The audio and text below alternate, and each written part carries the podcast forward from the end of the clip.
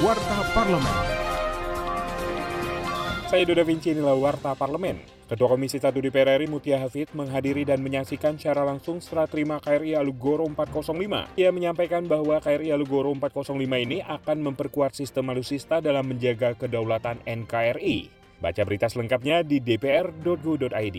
Pertanian merupakan salah satu sektor yang mampu bertahan di situasi pandemi COVID-19. Anggota Komisi 4 DPR RI Yohanes Franciscus Lema berharap pemerintah mampu memperkuat dan membangkitkan pertanian melalui pemberian insentif kepada para petani dan realisasi bantuan pangan kepada masyarakat sehingga mampu memenuhi kebutuhan konsumsi rumah tangga dan pasar. Bahwa sebenarnya sektor yang paling bisa bertahan dalam kondisi apa pun, bencana termasuk pandemi ini sekalipun, itu adalah sektor pertanian.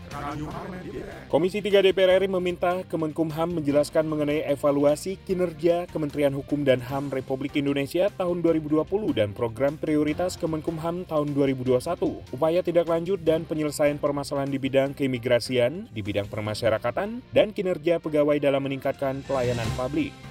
Stimulus pemerintah melalui Kementerian Keuangan menjadi angin segar bagi para pelaku industri otomotif dan properti di Indonesia. Anggota Komisi 11 DPR RI Putri Komarudin menilai pembebasan pajak berkendara dan properti merupakan inisiatif yang baik dari pemerintah. Hal ini diharapkan dapat membangkitkan sektor industri otomotif dan properti serta mampu menyerap tenaga kerja.